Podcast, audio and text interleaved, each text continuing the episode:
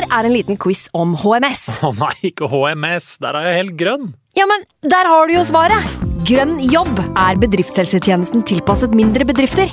Våre HMS-eksperter hjelper mer enn 8000 bedrifter over hele Norge med alt fra lovpålagte HMS-krav til pålegg fra Arbeidstilsynet. Få på plass bedriftshelsetjeneste på grønnjobb.no.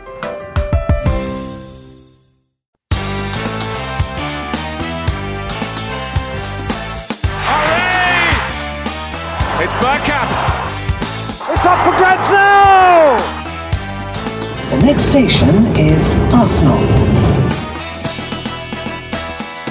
Hjertelig velkommen skal det være til en splitter ny episode av Arsenal Station med Sivert Skarstein Eriksen, Magnus Johansen og meg, Simen Goffeng. Snipp, snapp, snute. Så var dette eventyret ute. Uten fornuftige var-involveringer eller sjeikepenger, så kunne det rett og slett ikke gå hele veien. Slitne kropper og utladede hoder maktet rett og slett ikke nok en anstrengelse. Og med hjemmetap mot Brighton så må vi rett og slett akseptere at eh, drømmen om ligagull eh, forblir nettopp det også denne gangen, Magnus. Du er eh, overraskende langt nede, vil jeg nesten si, i dag. Ja, jeg tror, um jeg tror jeg kanskje Jeg brukte veldig lang tid på å erkjenne for meg selv at vi er en gullkamp. Og når jeg først gjorde det, så brukte jeg veldig lang tid på å erkjenne for meg selv at vi sannsynligvis eh, ikke er reelt med i dansen lenger. Um, var kanskje ikke like skuffa etter Etiad som mange var, og um, følte liksom at eh, et så marginalt spill med så mange kamper, så mange poeng å kjempe om, eh, så er det i alle fall et lite håp, da, hvis vi kommer oss opp på hesten igjen, som vi gjorde.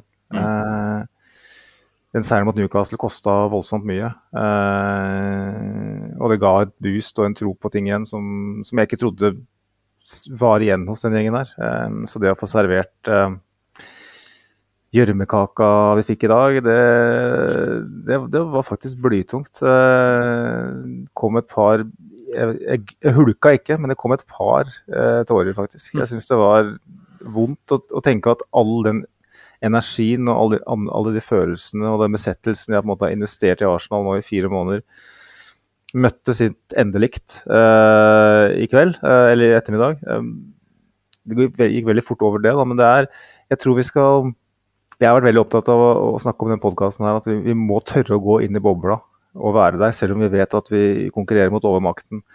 Så må vi tørre å på en måte, ta litt avstand fra det store bildet av og til. Ikke bare snakke om at ja, vi var, husk hvor vi var i august og husk hvor vi var for to år siden. Og sånn. Eh, Vi har kommet oss inn i den posisjonen her, en gyllen posisjon. Eh, og vi har med rette begynt å drømme, med rette begynt å håpe og med rette begynt å tro.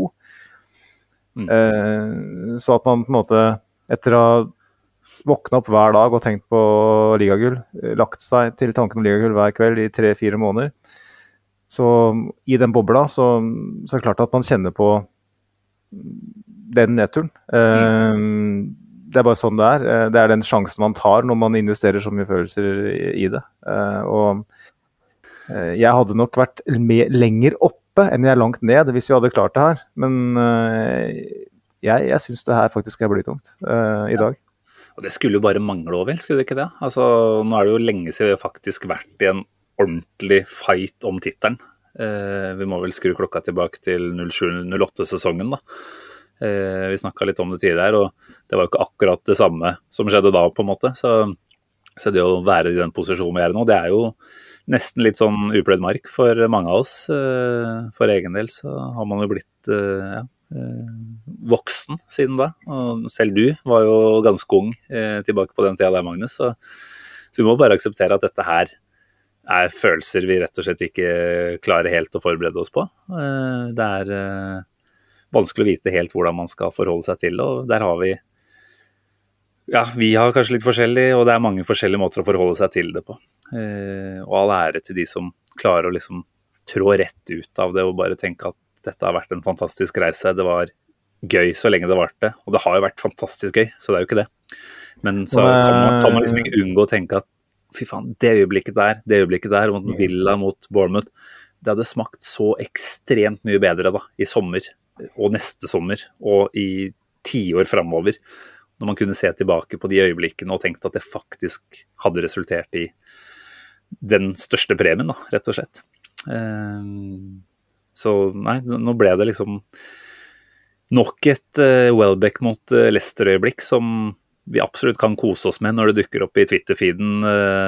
Kanskje ikke allerede i sommer, kanskje er litt for tidlig, men, men, det er fine øyeblikk. Men dessverre så kunne det vært uh, så mye, mye sterkere enn som så. All den, bakgrunnen, all den jobben du gjorde med den, det klippet du, du lagde, ikke klippet, da, men med hymnen eller uh, chanten, eller ja, hva heter det da? Når du, en vignett, nærmest, du lagde uh, etter Reece Nelson sin scoring. Du laget et lydklipp ja, som uh, ga gåsehud til og med til folk som Michael Arsenal, som tilfeldigvis droppa innom, som jeg har fått tilbakemeldinger fra. Så det sier jo det meste om hvor bra det var. Nå må man på en måte fjerne Titanic-musikken. Eh, det er fortsatt et godt øyeblikk, men Titanic-musikken den Céline Dion må ut av ekvasjonen, eh, dessverre. Og um, det er interessant som vi snakker litt om følelser, uh, Simen. Jeg fikk jo en reaksjon på den tweeten jeg la ut fra min personlige konto fra en, en lytter. Tor Arne Vassåsen han lytter jo til oss. og han, mm.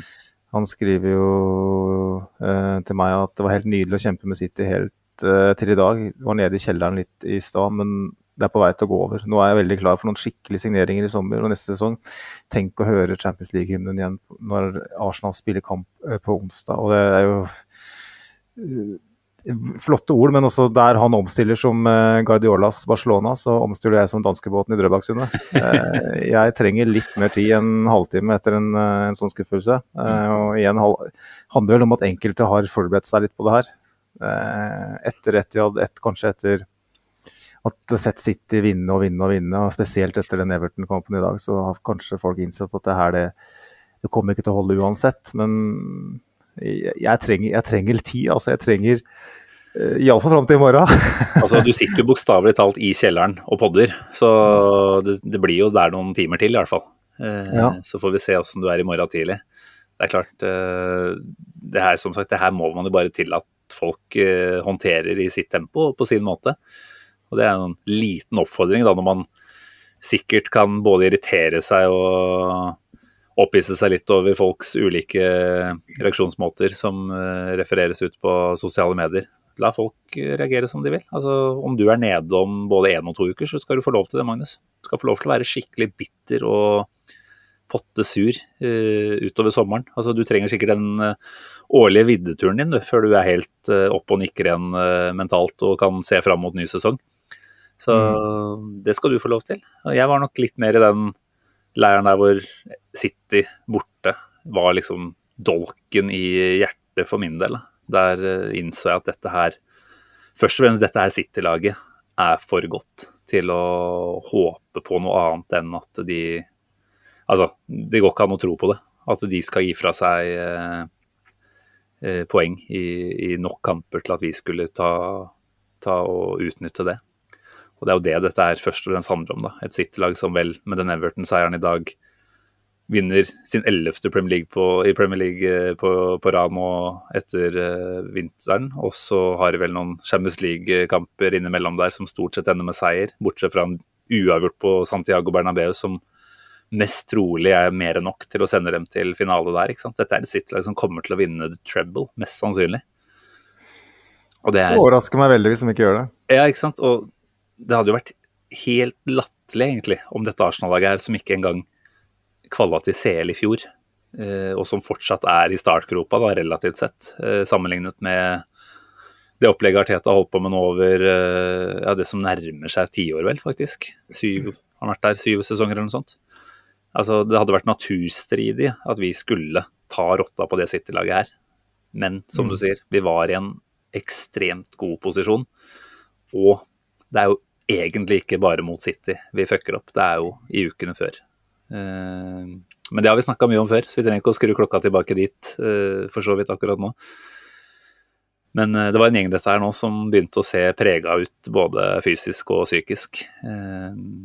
Det var der det var nok energi igjen til å, til å produsere sluttspurter mot Villa, mot Bournemouth for så vidt også mot Southampton, eh, hvor vi nesten holdt på å dra inn eh, trepoengeren på overtid der. Så, så føler du at den gjengen her nå rett og slett ikke hadde det i seg å, å dra på med enda en sånn enda en gang. da. Eh, og Nå har ikke jeg den oversikten for Citys del, men klarer vel liksom ikke å huske at de har hatt nesten en eneste én av de kampene hvor de virkelig har måttet slutten. De hadde jo Brentford-kampen hjemme, selvfølgelig, hvor de har en U fram til uh, overtida, og Brentford går opp og, og kontrer inn seiersmålet, seiersmålet. Men foruten av det, Det var, det var en del kamper i den, i den, akkurat i den perioden, når Kall det den virkelige eh, Det virkelige håpet ble tent for oss, da når vi så at City potensielt hadde en litt vanskelig januarmåned. og De hadde en vanskelig januarmåned, og vi visste jo ikke på det tidspunktet om det kom til å vare, selv om vi eh, i dialog med Liverpool-supportere ble overbevist om at jo, det, det her kommer ikke til å vare. Eh, åpenbart, for det City de finner alltid ut av det. Eh, samtidig, eh, Fulham hjemme, eh, straffespark langt Ja, inn det er film, Var ikke det en sånn skikkelig filmsauti-straffe også? Kevin De Bruyne har jo, altså Det sier litt om hvor god, bra Arsenal har vært denne sesongen. her. Kevin De Bruyne har begynt å filme. Han har ikke gjort det før, men denne sesongen her har han i hvert fall filma tre ganger. Eh, KDB er rysta eh, av Aritetas Artetas eh, unge mannskap. Eh, men det var jo et desperat City på det tidspunktet. Nå trenger han ikke å filme lenger. Altså Nå trenger ingen i City å filme, for nå vinner de uansett. Men på det tidspunktet så tok de i, i bruk en del kyniske momenter som vi ikke er vant til å se fra City. Rett og slett fordi at det var marginalt. Litt sånn som vi ser Arsenal eh, Nå nå. eh, Ja, det er jo nesten to, to motsatte sesongutviklinger, det der. Altså der vi var soleklart best nesten i hver eneste kamp. eh, Ja, særlig før VM-pausen, da. Med unntak av den Leeds-matchen som vi jo alle husker, så var jo det Arsenal-laget her definitivt bedre. Og hadde såpass mye mer å komme med at det var ikke de marginale eh, utfallene vi trengte å belage oss på. Da. Det var stort sett eh, mer enn nok eh, slingringsmonn der i det vi produserte, til at vi kom ut av de fleste kampene med seier. Men så er det som du sier, så har det blitt marginar, marginer eh, utover sesongen og i større og større grad. Og da, da vil det jo logisk sett bli sånn at noen av de ikke vil falle ned på vår side til slutt. Da. Enig. Og, um, eh, dagens kamp skal vi inn på etter hvert, og det er jo i veldig godt Ikke for mye, på Vi, vi Nei, jeg tror vi skal selv ikke altfor vondt, gjør vi det? Nei, jeg føler at den kampen på sett og vis blir meningsløs i det store bildet. Eh, når vi på en måte ser på hva som har skjedd i forkant her. Eh, det er klart hvis City nå skulle avgi fem poeng Ah, Men jeg tror, jeg tror det er sånn at hvis, hvis, eh, hvis vi hadde vunnet i dag, så hadde City vært ekstra skjerpa hele veien. Det er bare sånn det er, sånn City er. Så det er meningsløst å sitte og si hvis de skulle finne på å en poeng mot Brighton og Brentford at eh, Oi, se. Um, og hva, vi hadde vunnet våre kamper. Eh, så vi må, vi må være veldig forsiktige med det, tror jeg, når vi går inn i de siste, tre, de siste to ukene nå. Eh, og begynner å, det, det seriemesterskapet her, det ble ikke avgjort eh, i kveld, og det ble ikke, ble ikke avgjort de neste kampene heller, hvis det skulle vært sånn. Det ble avgjort når vi rota det til mot Westham og Southampton. Mm. Eh, og det, det burde jeg ha klart å tenke på i dag, når jeg satt uh, med litt blanke øyer og erkjente for meg sjøl at, uh, at jeg skal til Wolverhampton på Wolverhampton-matchen og klappe av gutta med så heftig jeg klarer, men allikevel med den litt bitte lille bismaken. Mm. Og tenke at, tenk om vi hadde hatt den bøtta stående på midtbanesirkelen nå. Det, den drømmen var så eh, ellevill. Altså det, er, eh, det er en eh, våt drøm. Altså det er sånn Hvis du våkner med silkebokser da, så klarer du ikke å stå opp igjen engang. Da blir du liggende og kave. Så våt var den drømmen. Eh, så mm, vi må bare Nei, det ble tårevått istedenfor dette her, Magnus. Eh, og vi må, vi, Det, skulle, det, det kom til å bli fukt, det visste vi. Ja. Jeg vet ikke hvor vi skal starte. Vi får jo prate litt om eh, kampen, selv om den tross alt eh, ikke gjorde godt. Altså den, enten vi liker det eller ikke, vil jo kanskje gi oss, om ikke gi noen svar, så forteller oss den jo, oss den jo lite grann da, om, om den gjengen her. Eh, føler jeg. Altså, det var jo et lag som så ganske så greit ut i første omgang. Eh, selv om vi ikke hadde så mye ball som vi kanskje hadde forventa, så var det en kontroll der. Og så klarte vi aldri å svare, rett og slett, da, da vi fikk den første goalen imot. Og litt som jeg var inne på i stad, det handler jo kanskje rett og slett om at det er en mental fatigue der som som vi har, eh, vi har brukt opp den kapasiteten vår da, over tid. Men eh, vi frykter jo, og det kan vi jo også kanskje ikke bruke for mye energi på i dag, men man frykter jo at det på en måte blir en sånn ah ja, dette er et lag som da bukker under til slutt, da, Mm. som ikke får det siste ut. Eh, kan jo dra parallellen tilbake igjen til fjorårssesongen, ikke sant? selv om det var noe helt annet som sto på spill. Så, så sto det noe ekstremt viktig på spill, og det gjør det jo i år også. Eh, litt annen spillergruppe, selvfølgelig. Og, og kanskje blir den enda mer annerledes til neste sesong enn det vi hadde, det vi hadde sett for oss. Vi så Arteta nå etter kampen i dag var ute og var ganske kritisk i bemerkningene, vel. Han hadde vel bl.a. sagt at uh, hvis dette laget er i stand til å, å gjøre det som skjedde i andre gangen, uh, når det kommer til uh, å prestere på den største scenen, så er det mange ting som vi må, må tenke over og analysere. Mm. så det blir jo interessant å se. Altså igjen, dette er en enkeltkamp, kan vi for så vidt avskrive det som, men om den egentlig forteller noe mer da, eh, om eh, ja, den stallen man har, eh, om den spillergruppa man har, om det er noen større utskiftninger som kanskje må på plass da, for at man skal være i stand til å stå imot de absolutt største presspunktene underveis i en sesong. Selvfølgelig var det ikke det i dag. Altså, presset har vært større tidligere kamper eh, den sesongen her. Men, eh, men det var på en måte en siste mulighet. da. Og sånn sett så kan man jo si at vi ble nok en gang på en måte paralysert. Eh, da vi virkelig måtte fram og, og jage den eh, utligningen og helst et eh, seiersmål da, på, på 0-1 der. Det var vi aldri i nærheten av, egentlig. Nei, kjempeviktig. nå-. Nå er jeg jo tidlig ute her, da. Så jeg vet ikke hvor vi starter, Magnus. Aller først en liten shout-out til supporterklubben. Også på en dårlig dag, det må vi jo kunne si at vi må, vi må ta oss tid til. Så alle som har hørt den poden her én gang bare, har nå full kjennskap til hva slags goder og hvor lett det er å melde seg inn. Så kan vi ikke bare si en enkel og tydelig eh, oppfordring, Magnus, om at eh, selv nå i motgangen så, så må man se at det er en, eh, en eh, plass det er verdt å bruke 250 kroner på.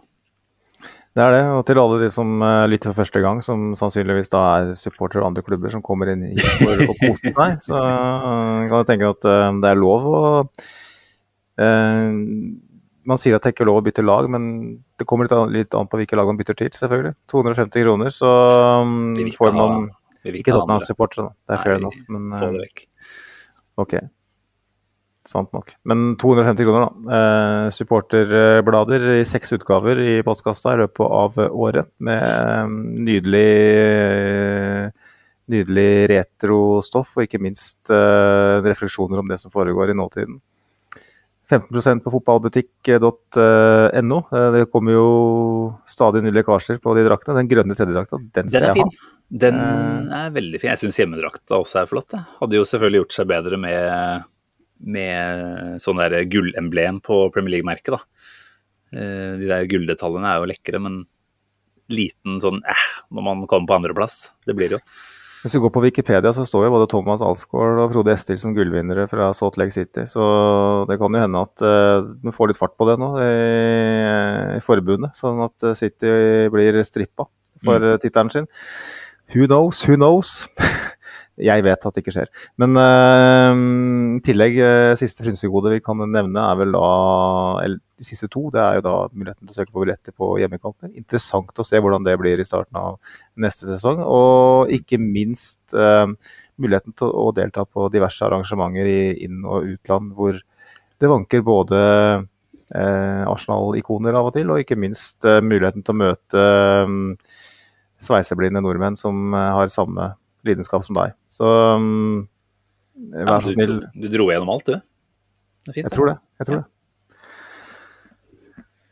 Så da, da kan du kan jo stille opp til så vidt at ja. Sivert eh, har jo da faktisk Han var en veldig hyggelig søndagskveld, uh, og han meldte vel faktisk det fraværet før tapet var et faktum, gjorde han ikke det? Så det er ikke en uh, det er ikke en bullet dodger, dette her. Han, eh, han har for så vidt eh, en god grunn som ikke, at, eller som ikke handler om at han ikke tåler et tap. Det må vi også nevne. For de lytterne som nå sikkert begynner å savne Sivert etter at han har vært borte et par uker. Han er eh, sannsynligvis tilbake neste uke. Det, det, det, det påstår han iallfall, så får vi se, da. Om han altså. takler et eh, tap mot skogvokterne. Men eh, altså Jeg syns det var interessant, det, fordi Zinchenko ble jo meldt eh, ute av, eh, av resten av sesongen, vel, av Ornstein eh, tidligere denne uka her. Eh, og så så vi at den dukka opp på noen, lag, noen treningsbilder. Eh, og da var det vel flere som tenkte at faen, har Ornstein mista det helt nå og har dårlig kilde, rett og slett, i, i Arsenal. Altså, vi vet jo at Arteta har hatt en slags opprydning på den fronten der. Det er ikke like, i nærheten av like mye som lekker ut eh, som det gjorde tidligere. Men eh, nå viste det seg at det stemte, i hvert fall i forkant av denne kampen her. Tror du det var rett og slett en liten sånn, eh, et forsøk på en liten finte fra, fra klubben i forkant her? Altså et Brighton som jo åpenbart skjønner at de har to forskjellige Arsenal-lag å forholde seg til, med eller uten Zinchenko. Tror du det, det var noe bevisst bak det bildedroppet der? At man prøvde å rett og slett uh, gjøre det litt mer usikkert eh, for de serbi hva han måtte forberede seg på? Jeg ville ikke ha utelukka noe som helst når det gjelder Miquel Arteta sine kreative krumspring. Altså, vi husker jo lyspæra, vi husker eh, høyttalerne på treningsanlegget før eh, Anfield fra Amazon-dokumentaren fra fjorårssesongen. Så det kan, det kan godt hende at, at det er noe i det, men samtidig så sa vel Arteta, i tillegg, i tillegg til i bildedroppet som du refererer til, så sa vel Arteta i pressekonferansen at uh, Sinsenko er usikker foran kveldens, eller ettermiddagens kamp mot Brighton. Okay. Men utover det så ville han ikke han, han, han ville ikke utelukke at han var tilbake før sesongen var over. Så, Han ville ikke utelukke at Saliba ikke er ute resten av sesongen heller, da. Så det kan, det kan godt slutte med nå, syns jeg. ja, jeg tenkte Eh, la Saliba få dra på stranda. Resten av laget får bli og prestere et par uker til, men Saliba kan få ferie, tenker jeg. Han vant jo ligaen, han. han, han det er sånn sånn fantasy-teori. Han spilte 70 minutter pluss og fikk clean shit, så han har vunnet, han. Han får medalje. Eh, når det gjelder Zinchenko, så får vi bare se. Eh, jeg syns det er dårlig mind games og, i så fall. For det, jeg tenker Brighton må jo være ganske fornøyd med at Zjenko ikke er der. Det hadde vært, hadde vært omvendt. At han hadde sagt at han sannsynligvis er ute, og så Mm. dukker opp uh, i, i elveren. Så, så er jo det en, eh, en, liten, eh, en liten pinne i ekene til, eh, til De Serbi. Men det blir jo ikke det nå. altså Det å møte Kieran Tierney i den rollen Mm. eh, Nå kan vi sikkert diskutere litt hvorvidt han faktisk spilte den type rolle i dag. Det tror jeg ikke han gjorde. Eh, men eh, det, er, det er to forskjellige verdener. Og spesielt da, som jeg sa til deg før sending, med både Saliba og Zinchenko ute. Eh, så vi så jo det samme mot Westham. Um, måten vi spiller oss ut på, eh, det blir så påvirka. Mm. Eh, Vi har rett og slett, Det er de to spillerne som stort sett alltid har flest pasninger i laget. Det er 200 pasninger ut av laget. Eh, så møter vi da en av de best, mest ballsikre lagene i ligaen. Eh, da blir ikke jeg overhodet overraska i det hele tatt over at Brighton da har eh, nesten 60 ballbesittelse i dag. Det, nest, det må jeg nesten si er helt til boka. Eh, og Ja, jo, for så vidt. jeg ønska nesten det òg. Uh, det er det syke. Uh. Jo, men det er jo vesentlig her, da. For det, det så jeg jo mange De snakka vel kanskje om det i studiet også. Jeg husker ikke hvor jeg plukka det opp, men det var mange som reagerte på det at Arsenal tillot Brighton å ha så mye ball i første. Men jeg også tenkte vel at ok, det Brighton-laget her, eh, det så vi jo ikke minst eh, i deres forrige kamp da, mot Everton. Eh, Beste måten å slå det laget her på kan jo rett og slett være å la dem ha ball og prøve å straffe dem på kontra. og Førsteomgangen vår sånn sett under ett i forhold til sjanseskaping var jo ikke krise.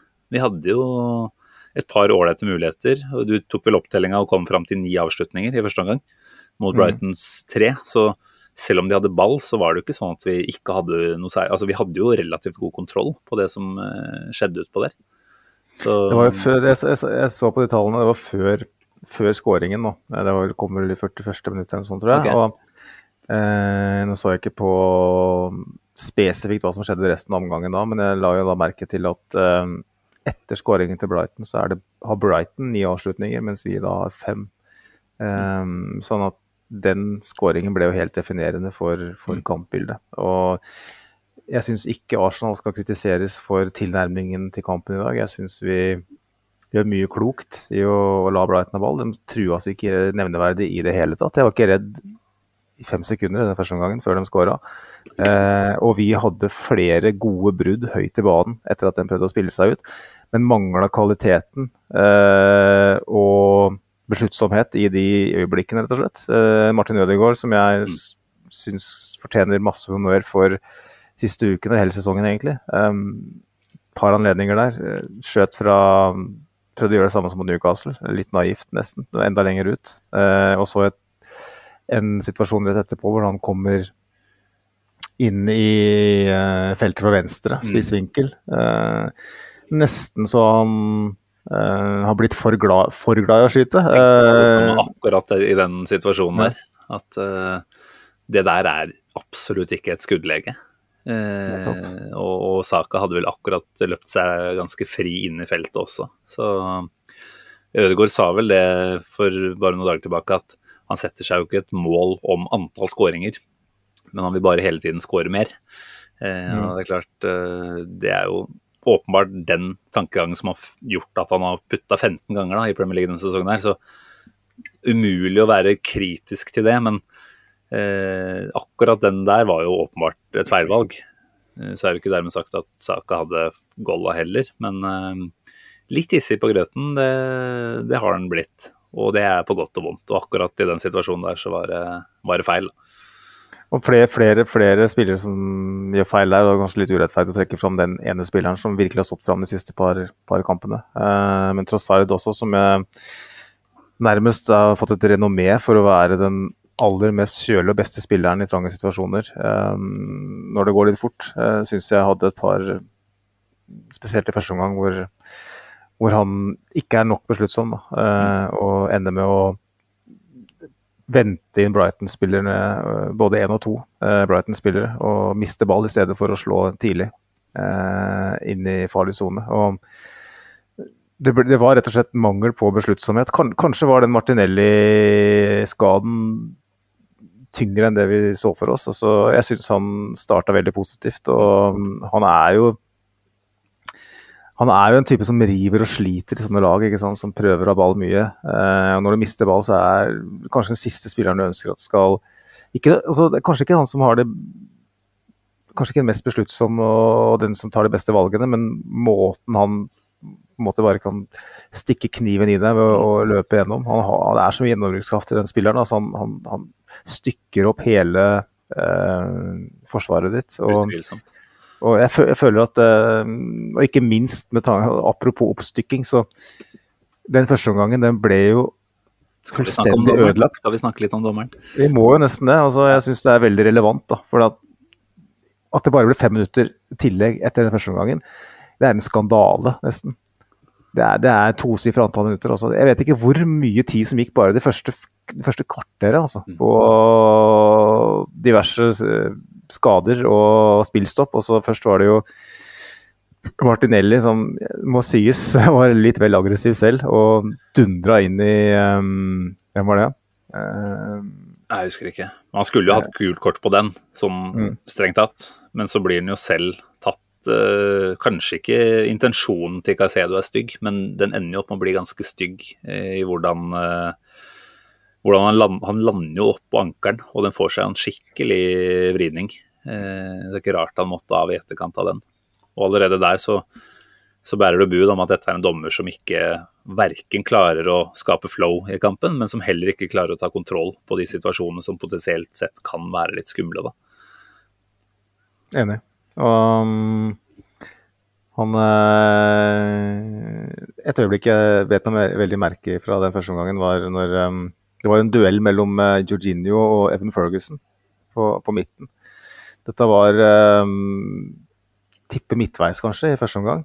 Så jeg vet ikke helt, jeg vet ikke helt hva som skjer, om det er italiensk kynisme, det kan godt hende. Men uh, Jorginho blir jo tatt uh, av Ferguson, og så i momentet etterpå, eller situasjonen etterpå, så um, blir det frispark til Brighton. Jeg husker ikke helt hva som skjer der, men det som skjer i hvert fall etter det, er at um, Jorginho drar ned um, strømpa for å gestikulere til dommeren at her, her er blitt stempla av Ferguson. stemmer.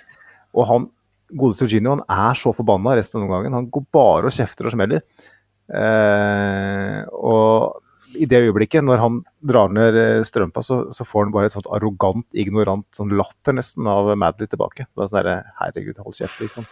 Du prøver bare å kødde med meg. Og jeg, jeg så jo ikke noe nærbilde av den, eh, av den ankelen eller uh, av den leggen, eventuelt hvor den stemplinga skal ha skjedd. Jeg fikk ikke noe gode bilder på det heller. men han virka for meg ekstremt arrogant Mm. i måten han uh, leda kampen på. Uh, han fikk jo Georgino åpenbart å tenne på alle plugga. Uh, og jeg må jo si at jeg elska Georgino den første omgangen. Jeg syns han var dritgod.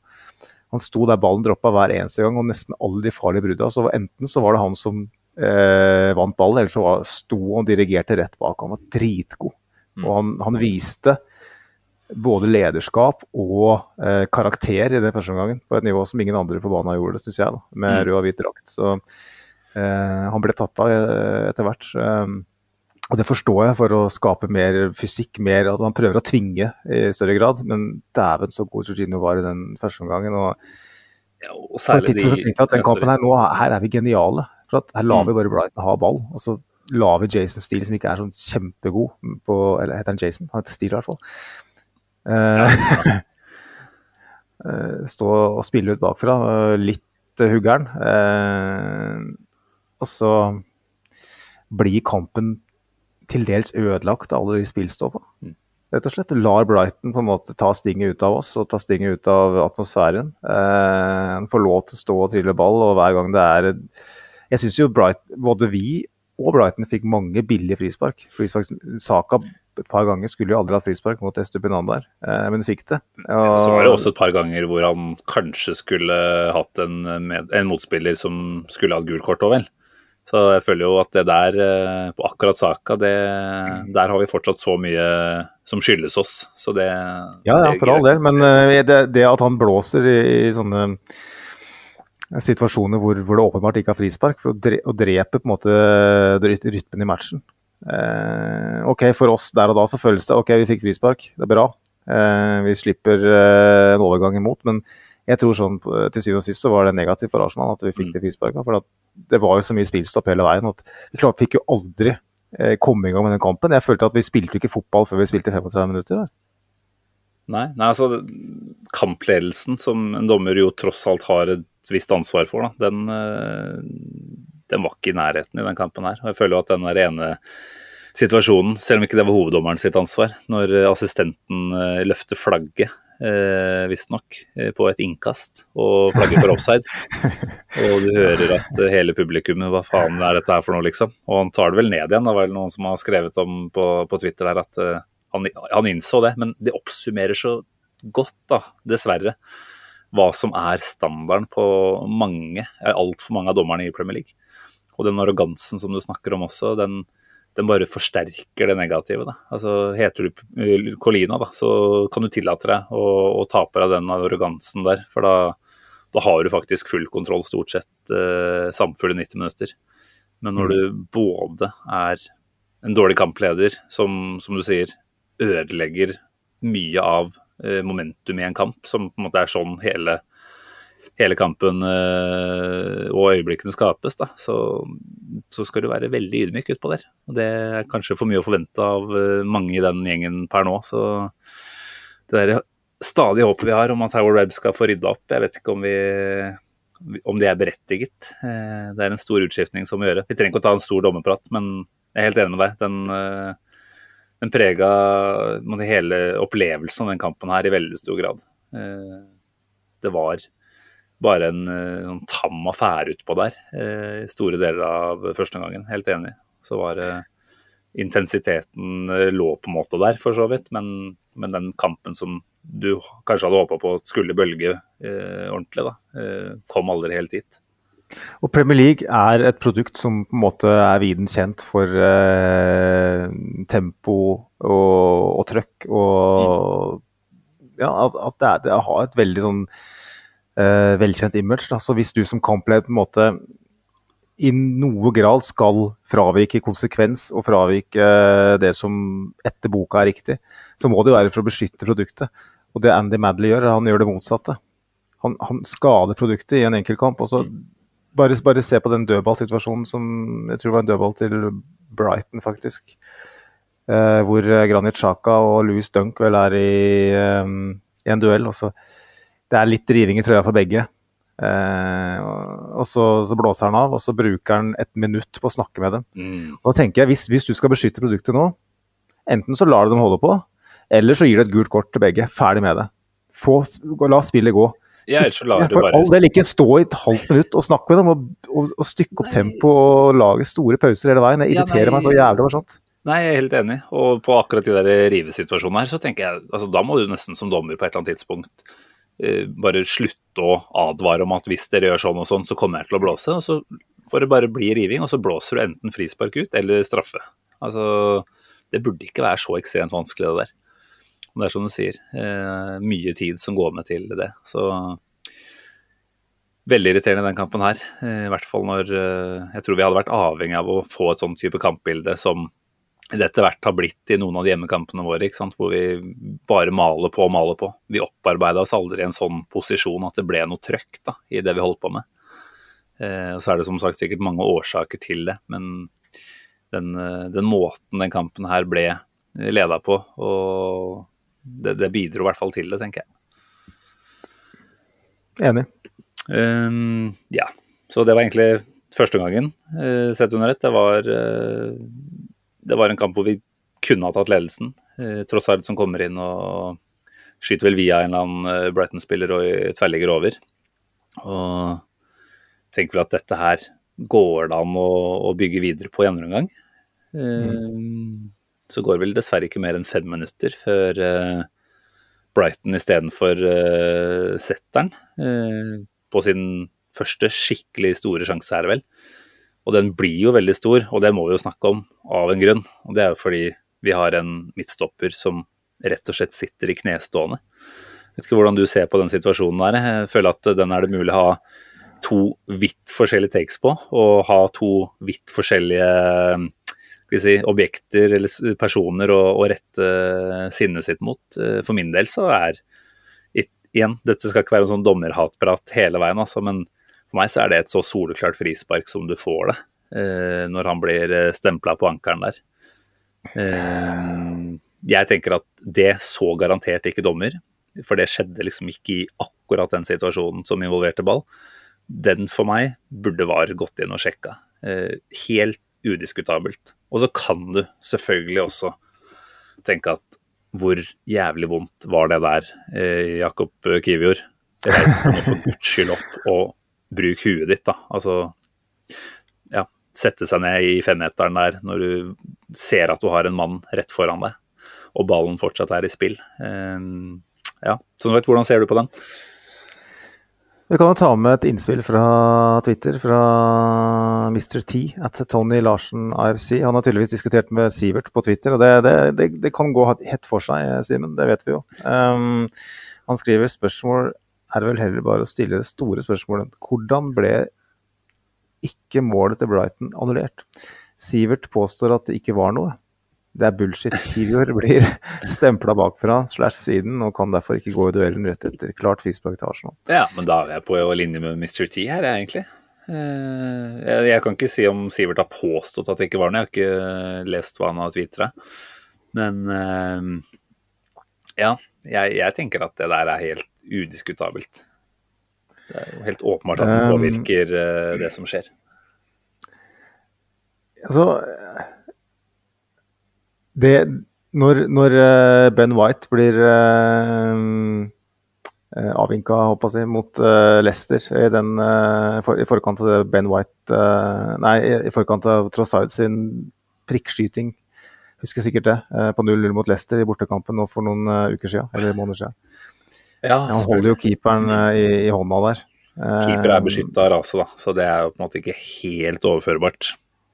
Kanskje, kanskje, men han slipper jo ganske lenge før. Eh, og her er jo i mye større grad eh, skåringa et resultat av forseelsen enn det var i den kampen. Mm. Eh, sånn at eh, jeg syns, eh, det er veldig strengt at vi ikke fikk den skåringen mot Leicester. Og jeg syns det er det er lov å, å mene at, um, at, det kunne vært frispark i dag. Også, jeg syns de bildene vi fikk var litt lite konklusive òg.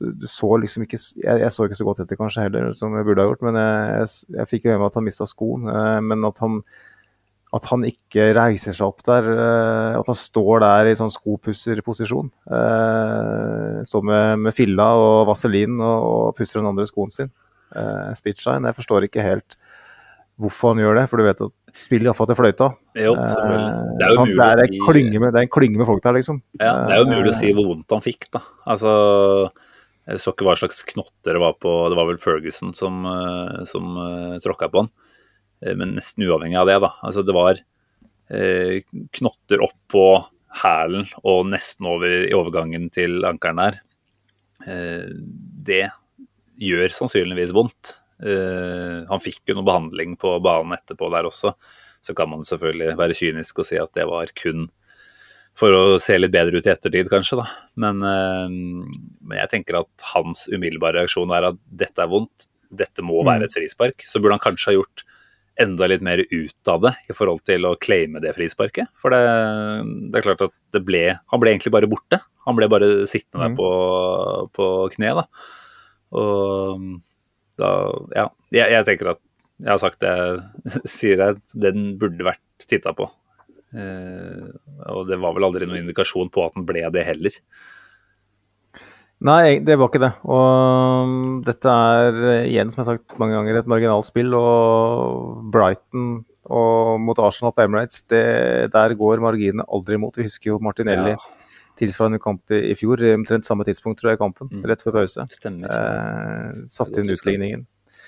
Og veldig tvilsomt eh, fra VAR på, i den, på den skåringen. Og, og, det er litt poenget mitt med den kampen her, da, at eh, før den skåringa til Brighton, så syns jeg egentlig ikke vi har så mye å ta Arsenal for. Jeg synes vi, Med tanke på hvordan den kampen utvikla seg etter utallige spillstopp, så syns jeg Arsenal hadde en smart gameplan. Eh, vi er langt farligere offensivt enn det Brighton er. De, de produserer omtrent nada. De hadde vel én eh, altså De hadde den eh, sjansen hvor eh, eh Enciso skyter eh, opp i nærmeste eh, etter en lang ball fra Steele, er det vel.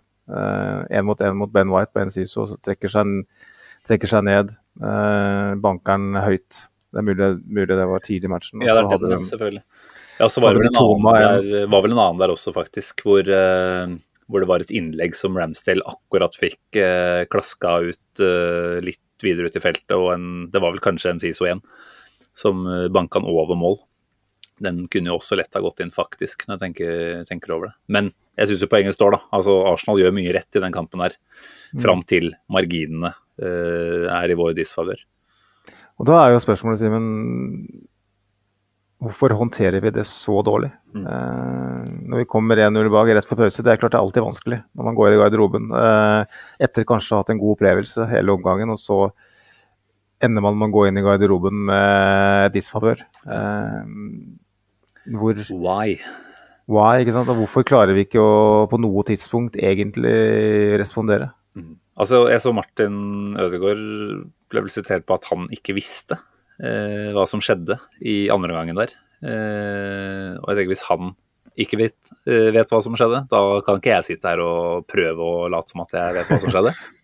Eh, men jeg har vel for så vidt vært litt inne på det tidligere. altså Jeg tror at den ja, kall det reisen da, vi har vært på denne sesongen her, som har vært prega av ekstremt store øyeblikk, eh, som har kosta veldig, veldig mye, da. Eh, både fysisk og eh, mentalt. Altså, Bournemouth eh, må vi på en måte bare igjen referere til. Den sto og vippa der fram til det 96.-97. minutt, og så vipper den jo oppover. Jeg tror disse spillerne altså innser at det å stadig Nå har vi ikke på en måte Jo, vi har jo hatt flere eksempler for så vidt på at vi må, eh, må slå tilbake etter å ha havna under i denne sesongen her, og har gjort det langt, langt bedre enn fjorårssesongen. Mm.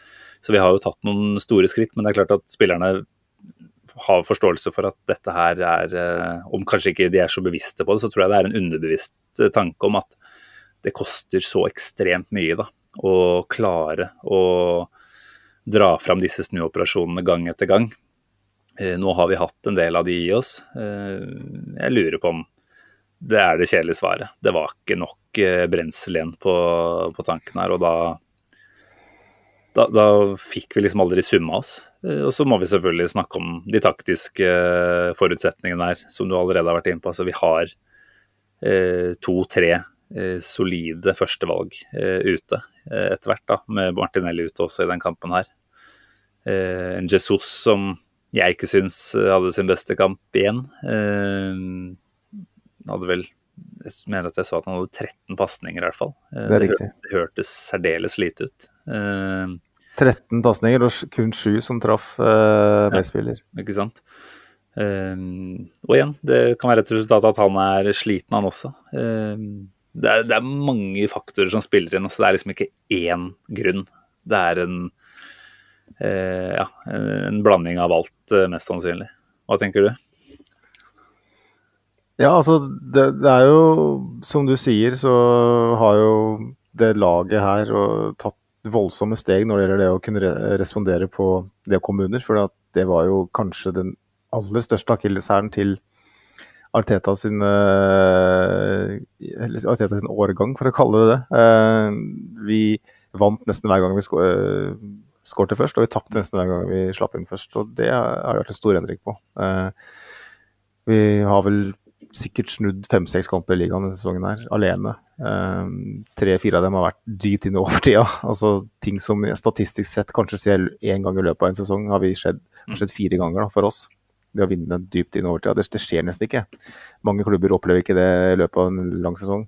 Eh, så det er en helt annen karakter i det laget her. En helt annen evne til å holde hodet kaldt når man havner i underlege. Mm. Men når vi kommer til the business end of the season, så syns jeg vi ser, som du sier, at eh, Og du unngikk å bruke hashtag ungt drivstoff eh, når du sa drivstoff, og det er jo nesten litt skuffende, ettersom du Brensel var vel eh, Jeg tenkte jeg må være litt, drive og variere litt, i hvert fall. Nei, men Du har jo ikke sagt ungt drivstoff på lufta i dag, tror jeg. Så det, det synes jeg det er viktig å ha noen catchphrases. Det, det, gir oss litt, Simen. Men jeg, jeg, jeg, tror nok det at um, at man rett og slett ikke har igjen mer på tanken. Mm. Det, er, det, er, et symptom. Tillegg. tillegg de fraværene vi har, som er viktige, som jeg har nevnt. Og det er litt interessant å tenke tilbake på uh, Jorginho, eller Emilio Martinez sin scoring, uh, vel å merke, uh, på overtid på Villa Park. Oh, Deilig bakhold. Jeg blir glad bare du hen, henviser til den. Det er godt å ikke bli trist å tenke på det, for der og da så tenker man at det her det er en, en viktig viktig uh, stolpe i stakittgjerdet på veien uh, til mm. ligagullet. Men samme, samme kan du si om Jules Nelson-øyeblikket, som er enda større. Der og da så tenkte vi at altså, hvis man la godviljen til, så tenkte man, og det gjorde vi på poden, uh, vi tenkte at det her det er et tegn mm. eller på at det her er et mesterlag. Det her er mestertakter. Det at man klarer dypt inn i overtida og vippe det i sin favør gjentatte ganger, viser at det er eh, dette er et lag som nekter å gi opp, nekter å dø. Som alltid klarer å, å vinne fotballkamper. Finner hele veien nye måter å vinne fotballkamper på. Det har vi snakka mye om. Men sånn i ettertid så, så må vi kanskje erkjenne Simen, at det dessverre heller var et symptom på det vi eh, altså være, Begge deler kan være sant. Det er til dels sant at det er karakterer i det laget her, men det var også i stor grad tror jeg, et symptom på det vi har sett de siste ukene. Dette var et lag som ikke lenger hadde den kontrollen som uh, vi var veldig opptatt av å påpeke i høstsesongen. Det var det som mm. nærmest uh, definerte det laget her før VM, var at man vant fotballkamper på en måte som nesten arrogant. Man hadde så stor kontroll. Man, hadde, man vant alltid XG-en klart. Man, man, skapte alltid mer sjanser. Han slapp til mindre eh, egen målgård enn alle andre lagene, inkludert City. Og etter VM, og spesielt når vi snakker mars, eh, medio februar til mars og til nå, så, så, har vi ikke hatt den kontrollen i det hele tatt. Eh, og da får man sånne matchbilder. Da får man kamper hvor marginer i mye større grad avgjør. Og um, jeg skulle ønske at Reece Nelson-øyeblikket ble stående igjen som på en måte et symbol på eh, karakteren i det laget her. Eh, og kanskje, kanskje, gjør det det når vi, om et år eller to. Mm. Men her og nå, så, så, for meg så er det vel, vel så mye et symptom på det, det vi mangler. da. For at vi slapp inn, tre, vi slapp inn to mot Bournemouth, vi slapp inn tre mot Southampton, vi slapp inn to mot Villa. Vi mista rett og slett evnen til å kontrollere fotballkamper. Og det er det som gjør at vi ikke vinner ligaen. Ja, det er jo de kalde faktaene, rett og slett, det du refererer til der. Altså antall innslupne før og etter uh, VM, og kanskje også, ja, vi må vel også kunne si før og etter Saliba til en viss grad, selv om det begynte mm. å begynte jo å vise seg noen uh, sykdomstegn uh, i de bakre rekker uh, i forhold til det å ha kontroll og unngå altfor store målsjanser imot. Så er det jo uunngåelig å, å komme utenom Salibas fravær her. Og hadde det Reece Nelson-øyeblikket blitt etterfulgt av et Saliba comeback og en frisk Zinchenko resten av sesongen, så, så, kanskje det hadde vært akkurat det øyeblikket som måte, fikk oss over kneika der og da, og som kanskje hadde gjort at vi kunne gjenerobra den kontrollen som vi, som vi har etterlyst. Da. Men uh, nå har vi rett og slett kommet over i et uh, ja, nytt stadie i sesongen da, hvor kontroll egentlig har vært mangelvare over en lang periode. Uh, og det må man jo Eh, selvfølgelig også kunne stille noen spørsmål til Arteta om. Eh, han har selvfølgelig sikkert gjort alt han kan for å finne ut av eh, både hvorfor det har blitt sånn og hvordan man kan endre på det. Men det har han jo ikke makta. Eh, og det kan være rett og slett enkeltspilleren han mangler. Men det er jo også et tegn på at man ikke har klart å Selv om det har kommet veldig mange gode løsninger eh, på de problemene som har oppstått denne sesongen her, så har man ikke klart å finne et svar på akkurat det spørsmålet. da. Så um, det er jo det er jo de kalde fakta, rett og slett. Det er eh, på en måte sånn vi bare må se at den sesongen er rebber ut med. Eh, litt for mange baklengs. City ender jo opp med De vel, har vel ti færre enn oss. Eh, mm. Tidligere i sesongen, så om ikke de lakk som en sil, så, så så det ganske motsatt ut. Det var de som slapp til mye. Eh, de har jo hele veien produsert offensivt, men og det har jo ikke vært vårt problem heller, egentlig, eh, det offensive. Men det er det, det som har skjedd bakover. Mm. Så vi snakker om at, ja. Eh, at, det er Haaland som er forskjellen, og det du skal fortsette, men eh, det er jo interessant å tenke at Haaland er på ingen måte forskjellen. Nei, ikke sant. Og så, så kan du selvfølgelig også si at eh, forsvarsspillere starter med den første angrepsspilleren. Eh, kanskje er det der mm. man, uten at man skal si at Saka og Martinelli har fått friheter. Eh, kanskje det er eh, ja, et problem som har starta enda lenger fram i banen også, da. Men mm. Eh, ja, Haaland som Vi trenger ikke å snakke om Haaland, som vel skåra enda en gang i dag. Uh, orker ikke det, kjenner jeg.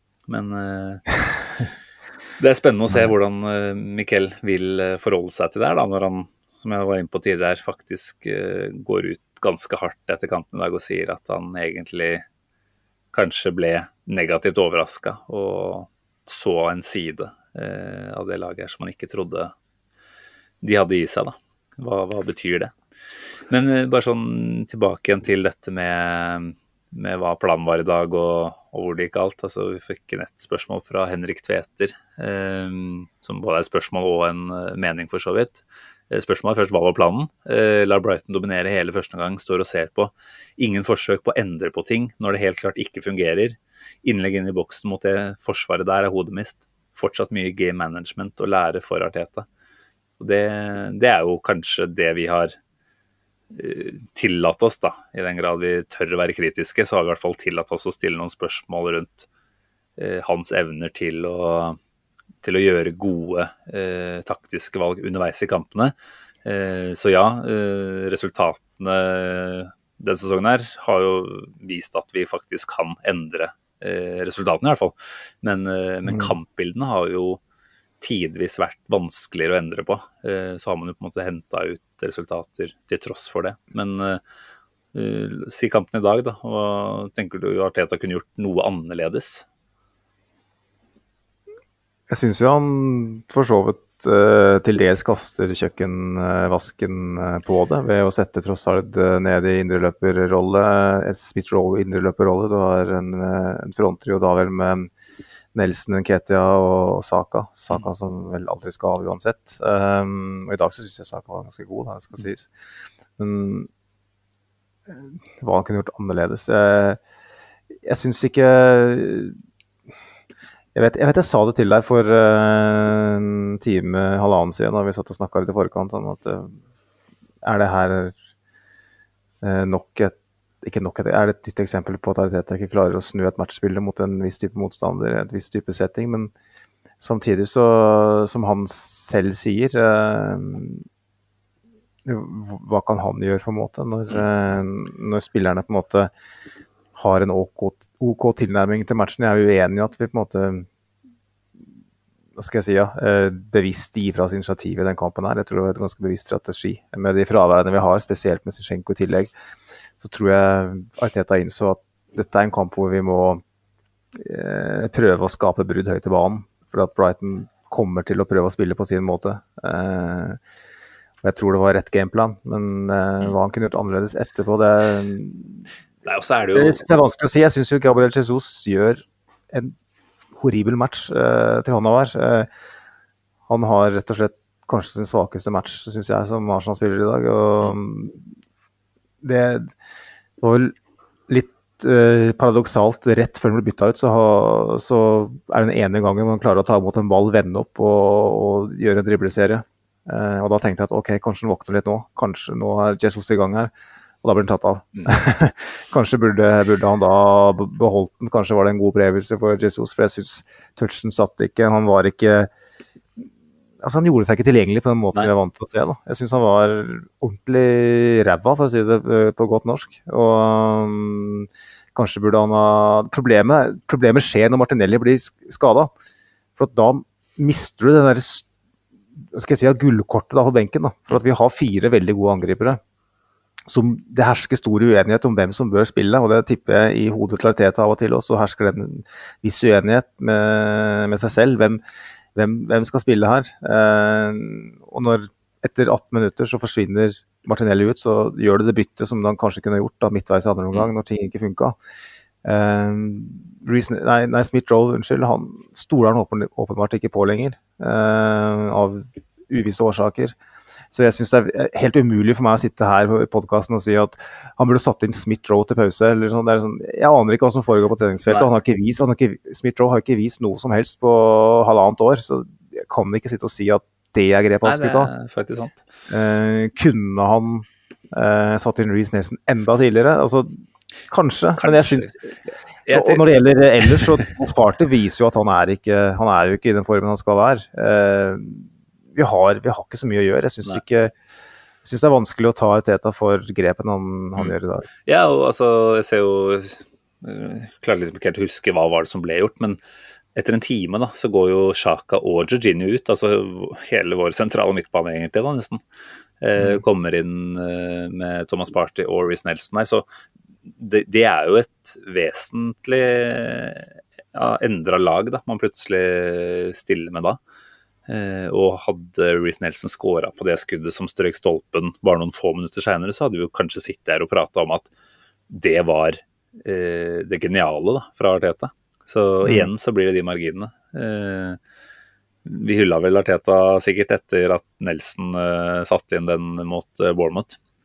Og noen ganger så går det inn, noen ganger så går det ikke inn. Jeg tror ikke vi nødvendigvis skal, skal sitte her og dømme Arteta nord og ned fordi det ikke bare frukter akkurat i dag, da. Men, uh, det er selvfølgelig et spørsmål som vi har hatt over tid, dette med evnen til å påvirke kamper. Og det er fortsatt interessant å se hva slags, uh, ja, hva slags evner han uh, viser rundt det framover også. For det er jo ikke sånn at det sitter svake fotballspillere på den benken der. mange trenere i, i, Premier League som har betraktelig dårligere staller enn Arsenal, men som allikevel klarer å endre bilder på kampen gjennom å gjøre mm. bytter. Så igjen, og det skulle bare mangle òg, da. Dette er uh, ligaens nest yngste trener, vel. Så at han fortsatt finner litt ut av ting underveis her, det, det ville vært rart hvis ikke. Jeg syns det er viktig, Simen, det du sier der. Um, mens vi hyller Arteta for alt det utrolig han gjør, så må vi òg på en måte være ærlige nok til å innrømme at manager med langt mindre ressurser enn han har evna å endre matchbilder. Eh, sånn at det, det, er åpenbart en ting han, han bør lære. Og når han mister kontroll, eh, så syns jeg kanskje han sliter litt med å gjenvinne. Og det er vel eh, største forskjellen på han og de aller, aller eh, største navnene. Altså, jeg vet at Pep Guardiola har, har litt mer å rutte med, men så har han òg vunnet alt som fins av uh, sølvtøy, og han er åpenbart kanskje den beste altså, Åpenbart, kanskje. Er, uh, han er den beste treneren i verden, sannsynligvis. Og, um, han evner å, å endre matchbilder, han evner å ta grep uh, på tidspunkter som Arteta ikke gjør, og det handler veldig mye om, om hvem, altså erfaring og sånn, men òg who knows. Kanskje, kanskje har Arteta en vei å gå. Um, som, jeg sa, som jeg vel nevnte for deg, uh, Siven, så føler jeg liksom at vi har gått fra kontroll til kontroll til alt elite til tider, når, når, ting går litt Jo, men det er oppsummert, det. ja. For at, Vi så jo det mot Liverpool, vi så det mot Westham. Altså, det virker som vi har kjempekontroll, og så bare kollapser det nærmest. Man mm. går fra å styre kampen og se ut som man er nesten en divisjon over motstander, til å eh, nesten bare gjøre alt man kan for å holde ut. Mm. Eh, sånn at eh, eh Spennende å se hva eventuelt nytt spillemateriell kan gjøre. Da, når man, eh, altså hvis man får inn en to-tre virkelig store fiskere i sommer, om hva det gjør med Artetas evner eh, i så måte. Altså, vi vet jo, og har snakka mye om, Simen, det der med tillit.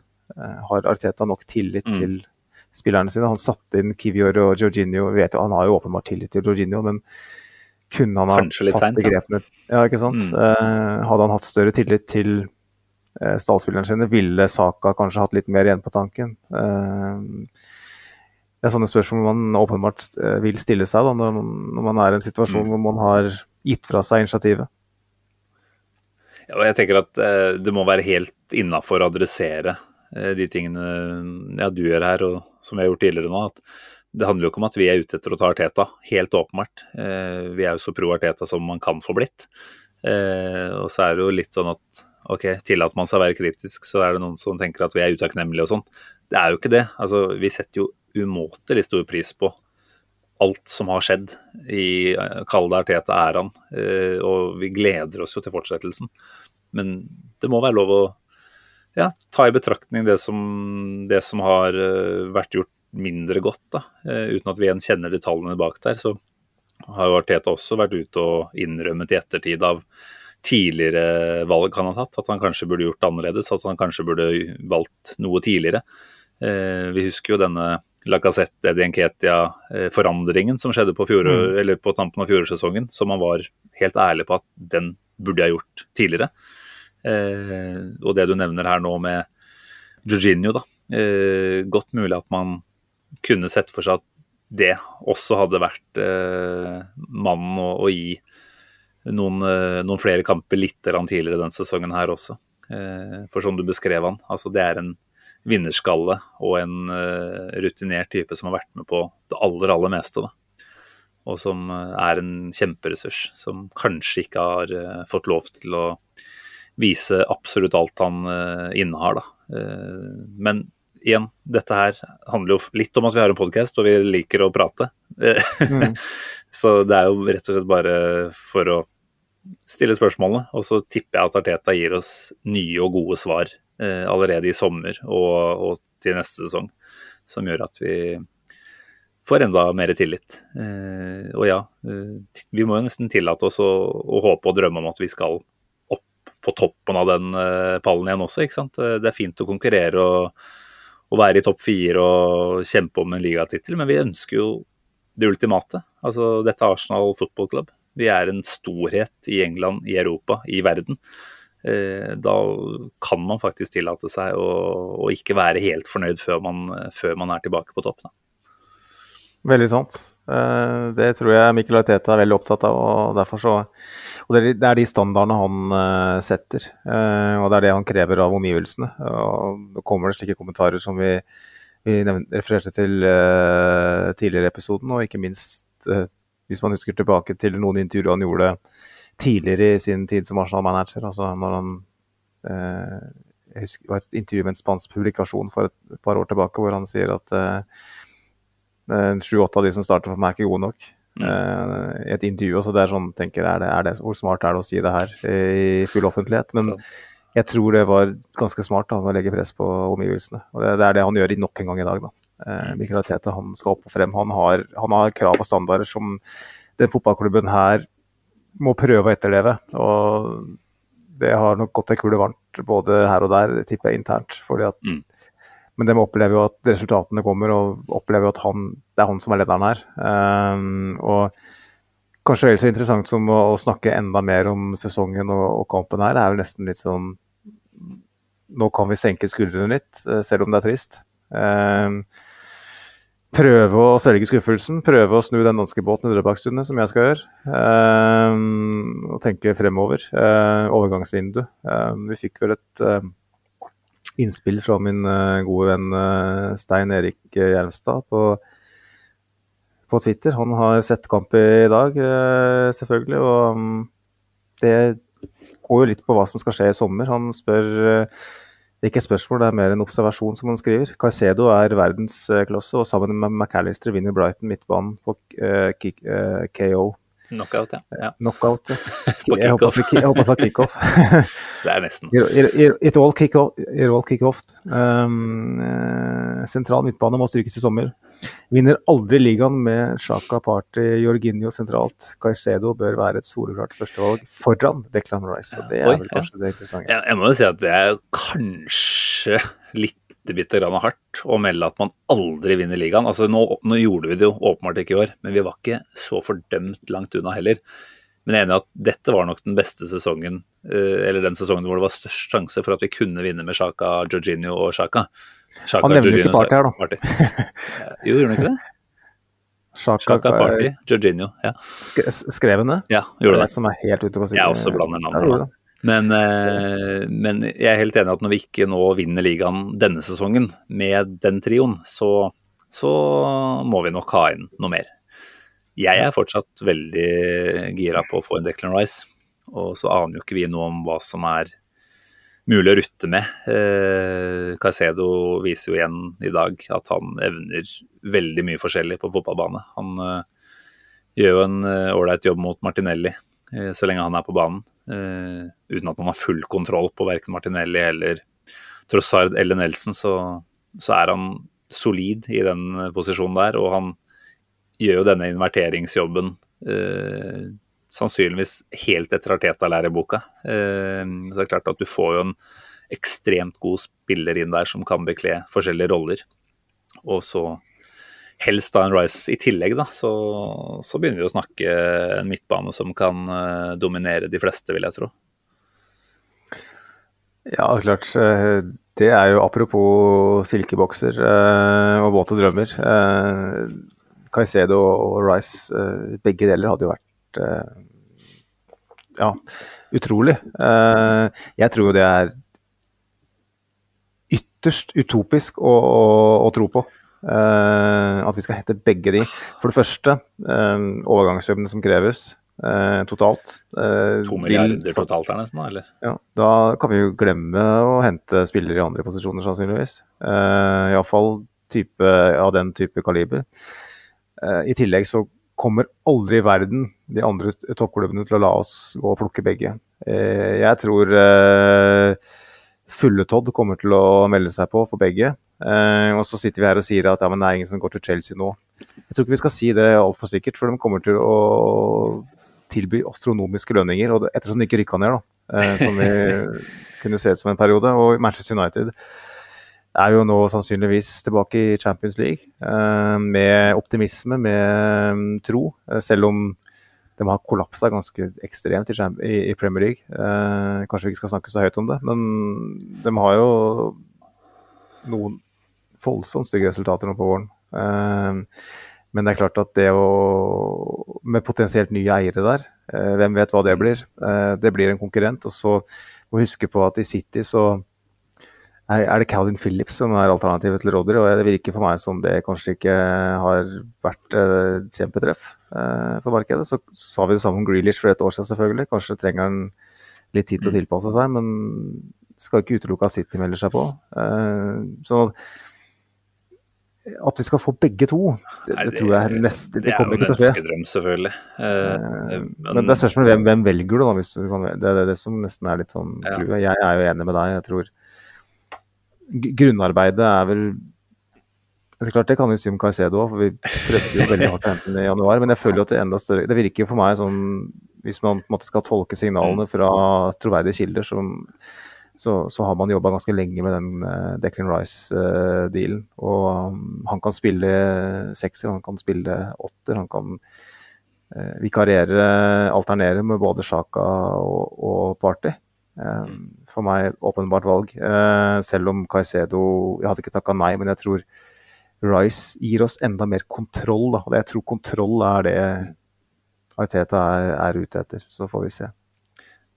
Nei, jeg, jeg støtter den. Uh, har vel inntrykk av at Rice Altså begge to virker jo egentlig ligge langflate etter å komme til eh, Emirates og jobbe under Arteta.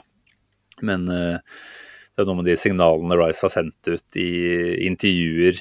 uh, nå vet ikke jeg hvordan han går rundt og klemmer på alle andre trenere og motspillere etter kamp, men du, du føler jo at det er en tilknytning nesten som er uh, begynt å opparbeide seg allerede der, da. Og, og vi må jo anta at eh, litt via via så har eh, begge, eller disse partene snakka om eh, nesten det aller meste av detaljer i en kontrakt, og at den egentlig ligger klar for å signeres, bare man blir enig med Westham om en overgangssum. Da. Så den tipper jeg, og jeg håper, at den kommer til å bli annonsert relativt tidlig også i sommer, sånn at den ikke blir en saga. For det, det vil jo selvfølgelig gagne både Westham, men også et United da, som kanskje nå ikke på starten av sommeren har eiersituasjonen sin helt avklart, men som i løpet av sommeren kanskje har det. Eh, som da plutselig kan kaste de pengene de vil etter hva som helst og hvem som helst. Eh, og det er klart hvis Rice får tilbud om 250 000 pund her og 400 000 pund i uka i United, og Champions League der også, eh, selv om han virker som en type eh, hvor egenutvikling og den, eh, det miljøet han går inn i, da, kanskje er det aller viktigste. Og han ønsker vel å bo i London, eh, er vel også en viktig eh, greie her. Men man, man kan jo absolutt aldri ta noe for gitt før det er signa noe. Og mm, ja, nei, det, det er jo kjempespennende bare å se hva vi, hva vi kommer til å gjøre. Vi har ekstremt gode kort på hånda nå. Og vi kommer til å selge unna uten at vi trenger å liste opp eh, alt som står på den utlista der. Så er det mange som skal ut, og mye lønnsmidler eh, som skal frigjøres fortsatt. Eh, og noen titalls millioner pund inn der, så det er klart vi vil ha penger til å, til å hente for. Og det er jo interessant altså, når vi snakker om dette med å hente inn mange. Så City har jo ikke nødvendigvis veldig mange. De har jo ikke nødvendigvis dobbel dekning eh, hvis en hel førsteelver blir borte. Eh, og sette inn, eh, en, inn reserver eh, posisjon for posisjon. Men det de har, er jo eh, gode, anvendelige spillere som kan steppe inn kanskje tre forskjellige steder på banen. Eh, og Det er jo det jeg tenker at Arsenal også nå ja, Vi ser vel egentlig allerede eh, at det er det man går for. Anvendelige, versatile spillere som, som kan gjøre en, en jobb. Da. Eh, da er det jo for så vidt en god idé da, å legge noen ekstra millioner på bordet for å få de ultimate eh, balltalentene og posisjonelle talentene da, som kan, eh, kan være en nyttig, nyttig verdi på, på tre posisjoner. Altså si Caicedo for 80, da, istedenfor å hente en ny åtter og en ny eh, høyrebekk. Eh, altså nå, nå trenger vi jo kanskje ikke det, vi har Tomiyasu, men han skal også kunne være venstreback. ikke sant? Så da kan vi la tierne gå, eh, og samtidig eh, ha en Caicedo i backup som en del av det forsvarsleddet. Jeg regner med at dette her er det gjort eh, veldig mange gode tanker om allerede i, eh, på Edus eh, kontor. Så mm, Dette er jo nøkkelpunkter du er innom her, Simen, som er veldig viktige. Altså, og det tror jeg er litt av årsaken til at Declan Rice eh, står så høyt i kurs. Og han har vel knapt nok mista et minutt for Westham de siste tre sesongene. Han er jo aldri skada. Eh, han kan var vel ikke på banen i dag, faktisk. Bare sånn apropos. Blir, blir spart for, foran conference, Jeg regner med jeg er ganske sikker på. Han spilte vel heller ikke mot City. Eh, selvfølgelig gjorde han ikke det. Mm. Eh, men utover det så er det vel nesten ingen i Premier League som har flere minutter de siste tre åra enn Declan Rice. Så du kan si at eh, det å ha slike spillere er en, en ekstrem luksus, for at man kan alternere i mye større grad. Man kan dekke de hullene uh, umiddelbart, i stedet for å måtte taktisk legge nye planer og finne opp krutet på nytt. Så ser man at Tommy Yasse f.eks. har vært altfor mye ute, altfor mye skada. Eh, den siste skaden er kanskje en freak-skade, men det er jo Man ser jo verdien av dem i enda større grad, da. Mm. Eh, et sånt tilfelle når man er, når man er ute. Uh, og det er jo på en måte litt poenget mitt, da, at Declan Rice virker å være veldig robust. Så når man først skal hente en spiller som skal være som kan bekle flere roller, så er det enda viktigere at de er skadefri, stort sett. Uh, hvis ikke så er det jo helt meningsløst. Du kan se for deg Diaby som eh, skal dekke tre roller, liksom. Det, da, da er det fucked. Um, et spørsmål fra Apropos lytterspørsmål, Simen, så et spørsmål fra um, Magnus uh, Johansen fra at Magic Johnson 99. Fra Løten. Ja. Kom ja, med det det. er mulig, det. det, er mulig det. Uh, Jeg ser mange skriver uh, at, at både Thomas Party og Granit Xhaka potensielt kan forlate klubben den sommeren her.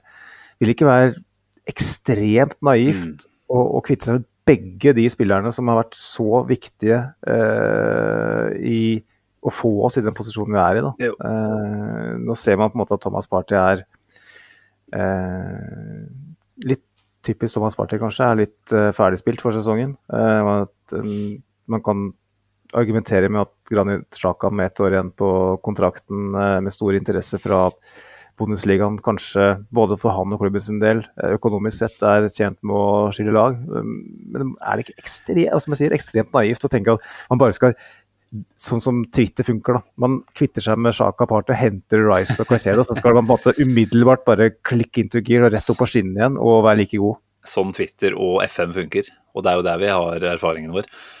Jeg, jeg er helt enig. Jeg tenker at uh, kanskje særlig Sjaka ønsker jeg å ha med uh, neste sesong. Uh, kanskje vel så mye av romantiske grunner som det åpenbare taktiske. Da. Altså, han er jo en viktig del av Artetas lag nå. Én ting er å kvitte seg med sånne stallspillere som spiller lite, eller de som er på utlån, men, men en bærebjelke som Sjaka har vært denne sesongen her. Eh, Vi skal inn og styrke oss før en CL-sesong hvor vi må prestere 100 eh, i ja, egentlig ti kamper til, da, hvis vi på en måte kan avskrive Europaligaen på sett og vis. Da, eh, og hvordan vi har prioritert den, ikke minst hvordan vi har sett ut i de kampene. Så tenker jeg at Sjaka skal være med. Og han kom i 16-17-sesongen, som var den siste vi var med, eller den forrige gang vi var med i CL. Og da får jeg faktisk litt vondt inni hjertet, altså. Hvis eh, han nå skulle ture når vi endelig er tilbake igjen i Champions League. Eh, jeg får liksom ikke det helt til å stemme. Eh, det er vel et Bayer Leverkosen eh, tilbake igjen til München Gladbach som har blitt nevnt hyppigst. Eh, du får arrestere meg om det er helt feil, om det er noen andre der også. Men jeg, jeg sliter jo med å se at det skulle vært så veldig eh, interessant, da. Eh, nå er vel ingen av de sannsynligvis med i Champions League til neste år engang. Eh, han som nå endelig har blitt omvendt eh, og hatt en renessanse i, eh, i Arsenal, eh, skal ikke ville være med på det ultimate eventyret som Champions League er. Jeg ser ikke den i det hele tatt, så jeg tror at han blir. Jeg var for så vidt eh, nesten mer spent på det før eh, sesongen her, eh, hvor vi hadde dårligere dårligere minner eh, lengst fremme i hjernen. Nå er det gode minner, og nå tenker jeg at han skal bli og, og fortsette på de. så er jeg nok mer tilbøyelig til å la Party forlate skipet. Jeg synes at Selv om ikke de kan sammenligne, så er Jorginho inn en spiller som jeg føler tar enda mer tak i garderoben og, og skal vi si, lederansvaret her. I tillegg til at Rice kommer inn og blir for meg en helt åpenbar partyerstatter. da. Det er, jo, det er, jo, det han er tiltenkt å være. Vi henter ikke inn Rice altså Han kan selvfølgelig spille i en, uh, i en åtterrolle også, uh, så der har du anvendeligheten inne igjen, da. Men uh, kanskje vi ikke må kvitte oss med noen av de. Jeg vet jeg ikke hvordan kontraktsituasjonen til Party ser ut, men han bør det jo kunne være mulig å, å, sende unna for å få tilbake noe, i hvert fall. Og kvitte seg med det som er en ganske høy lønnspost. Så skulle jeg valgt, uh, valgt én, så hadde jeg gått for han i hvert fall. Ja. Um, jeg tror jo at um, Thomas Partey har en ett år um, til ja, 2025 går kontrakten hans ut. Så to år, ja. jeg tror jo Jeg er enig i dine tanker, Simen. ikke nødvendigvis enig i den romantiske delen av det. Det er mer fra Sjaka sitt perspektiv personlig, da, hvis han ønsker å det er rart om han ønsker å forlate skuta nå som man på en måte har tatt det steget. Til å spille for en klubb som ikke er med i Europa engang, potensielt. Det, det, høres rart ut for meg. Mm. Eh, veldig eh, Virker for meg som en stor konkurransemann eh, som ønsker å spille på høyest mulig nivå. Så det er veldig rart om han skulle, etter å ha blitt overtalt av Eteta til å bli, bli en klubb som blir nummer åtte i ligaen. Så jeg tror ikke Eteta trenger å jobbe så veldig hardt for å få han til å spille Champions League. Nei, Hvis jeg snakker om ti millioner, da, som det ryktes at man kanskje kan få for den, altså, da tenker jeg det er jo ikke i nærheten av nok til å gjøre en sånn deal eh, fornuftig i mine ører i det hele tatt.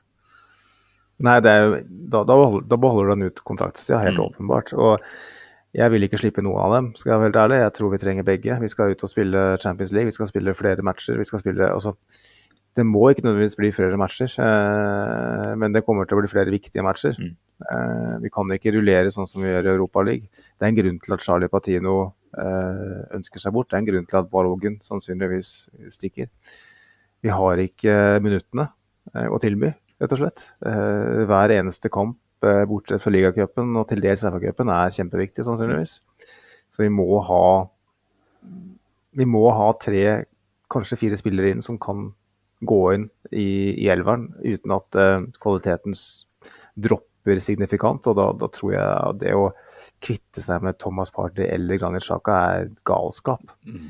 Jeg, tror vi må prøve å bli litt mindre opptatt av det, siste, det som har skjedd de siste 14 dagene, og, og, prøve å huske det som skjedde for tre måneder siden og fire måneder siden. Hvor hadde vi vært da Uh, uten Thomas Party på, i ankerrollen på midten. Ja. Uh, Nei, Vi har jo nevnt den som årets spillekandidat tidligere her, uh, i poden mm. også. Så det er jo helt åpenbart at vi har, vi har klart å anerkjenne den, det bidraget han har hatt hele veien. Men det er jo et par spørsmålstegn der da, som ruver over han. Og det, det fysiske aspektet i forhold til hvor tilgjengelig vil han kunne være i tiden framover. Men igjen, kanskje vi bare trenger han i 15 kamper. da. Noen Premier League-kamper og noen Champions League-kamper, så er det nok. Ja, liksom hvor, hvor mye spiller uh, Foden og hvor spiller Mares da i City? ikke sant? Altså, mm. um, har ikke spilt så mye den sesongen her som de gjorde i fjor, men har likevel spilt viktige roller. Uh, Thomas Party på det stadiet her kanskje ser at karrieren er litt på hell. Um, mulighet til å være med på et eventyr. Uh, spille litt mindre, men allikevel være en viktig brikke. Mm. Uh, bo i London, fortsette livet han lever. Uh, samme med Granit Xhaka. får en Declan Rice i tillegg. forhåpentligvis tar en, en Fabio Vieira litt steg. Kanskje blir Smith-Roe dyrka i en indreløperrolle, som det er blitt rykta. Så har vi plutselig OK dekning på midten. Mm. Men kvitter vi oss med med Sjaka eller Party, da, da må vi kanskje både, ha både Caicedo og Declan Rice. da. Uh, og jeg tror vi, og som vel, som jeg selv omtalte som utopi, jeg, jeg, tror vi må prøve å beholde begge og få inn én stor signering der. Og så må vi i tillegg da sannsynligvis ha en stor, stor signering i et par andre ledd. Mm. Som må prioriteres foran det å skulle hente to nye sentrale midtbanespillere. Jeg, jeg tror det markedet her er nesten umulig å skulle få til, i tillegg til å skulle da dekke alle andre hull. Fram med grillene, du, så får vi se hva det blir. Grillsesongen er godt i gang, den, Magnus. Så jeg tenker at han allerede har eh, noen gode, konkrete planer der ute. Så kan vi jo drømme litt, da, kan vi ikke det? På at både Rice og Caicedo dukker opp. Det hadde vært sjukt. Tenk den følelsen man går inn i ny sesong med da. Henter de to, en ålreit backup på, på stoppeplass og en skikkelig god angrepsspiller til, og helst en backup for Saka. Da skal vi ut og Ja, det blir dyrt. Det blir litt dyrt, da. Som alle sier, det er ikke våre penger, så vi kan jo be dem om å gjøre hva de vil. Hva vi vil. Ja, hva vi vil. Det, vi skal iallfall bruke Altså, vi har begynt, begynt allerede i dag, Simen, men vi skal vel bruke et segment i hver eneste episode nå i et par måneder, vil jeg tro, og snakke om nettopp det her. Eh, og det er jo, som Tor Arne Vassåsen skrev til meg på, på Twitter, som jeg nevnte tidligere, at denne, nå, en, nå skiftes fokuset fra denne sesongen her til neste allerede. Mm. Eh, nå må vi begynne å snakke om hvordan vi skal bygge videre på det som tross alt har vært en, en god sesong. Ja, men det er jo en fin overgang til det neste spørsmålet her, da. For det er jo faktisk et sånn Ja, sesongen føles jo absolutt over nå, men som eh, Øyvind Bredland skriver på Facebook, vi tar imot spørsmål der også. Eh, akkurat nå er det bare trist. Hva gjør vi de to siste kampene? Sender ut på B-laget, eller blir det laget som i dag? Og? Nå har vi snakka en del om hva som skal skje videre, men det er to kamper igjen av sesongen her. Eh, de vil ikke ha noe å si for tabellplasseringa vår. Vi ender på andreplass uansett. Eh, men vi kan vel si at de har en betydning. Altså, Én ting er å ende opp med 81 poeng og tre strake tap på slutten av sesongen. Det ville jo vært en ganske blytung måte å gå inn i sommeren med. Altså, et lag her som nå har følt på det å være nesten verdig en ligatittel, og så i verste fall skulle gå på en uh, trippel der på tampen uten uh, et eneste poeng, det, det, tror jeg ville vært en skikkelig uh, selvfølelsesknekk som vi absolutt ikke trenger. så istedenfor 87 poeng, avslutte nå med stil. Klart det er en tøff bortekamp på, på herregud, City Ground, som det heter, på lørdag. Mm. så det er jo absolutt ikke gitt at man tar de tre poengene der. Men, men hva tenker du om viktigheten av de to siste kampene her nå. Altså inn mot uh, både sommeren, men også Ja, én ting er jo for, for, vår del, da, hvordan vi går inn i sommeren. Uh, fint å få med seg et par gode resultater på slutten, er det ikke det? Det er det. Og litt usikker på hvem som spiller uh, altså noen, noen, Bare for å legge det til grunn umiddelbart, så ikke jeg fremstår som tidenes vinglepetter og tidenes Uh, ja, jeg kan ikke si det engang. Men um, hvem er det spiller først, da? Også City. Uh, vi spiller vel lørdag kveld, ja. og så spiller de søndag uh, mot Chelsea. Ikke sant? Så, så, så da kan du ikke, Arteta kan jo ikke av, sport, av årsaker som handler om sportslig integritet, ikke spille sitt beste lag. Nei. Fordi at matematisk så er det ikke over. Vi vet jo at det er over, men Arteta kan ikke sende det signalet med å sende et B-lag mot Nottingham Forest som om han har gitt opp. Mm. Han må bare fortsette å vinne fotballkamper. Men uavhengig av det, så Vi har muligheten til å plukke 87 poeng. Eh, muligheten til å ende sesongen Blir det da vår nest beste i Premier League? Nesten, eller? Hvor mye hadde vi 0-2 av? Eh, Mulig at det var på samme cirka. Husker ikke helt, jeg. Den sesongen den, den drakk jeg og levde og blødde. Eh, det var en sesong jeg husker godt. Eh, jeg husker jo trenger ikke å gjenta det, men jeg husker jo veldig godt at jeg kjente på nervene da, når Mm. Bergkamp drev og sendte stikkere til Jungberg. Men eh, jeg husker ikke totalsummen da. Jeg prøver å Eh, finne det her nå. Eh, skal vi se Det var ikke bare bare det, da. Da landa vi på ikke mer enn 78 poeng, faktisk. I 02? 02-03, var det du sa, var det ikke? 01-02-sesongen. 01-02, sa du, ja. Ikke sant.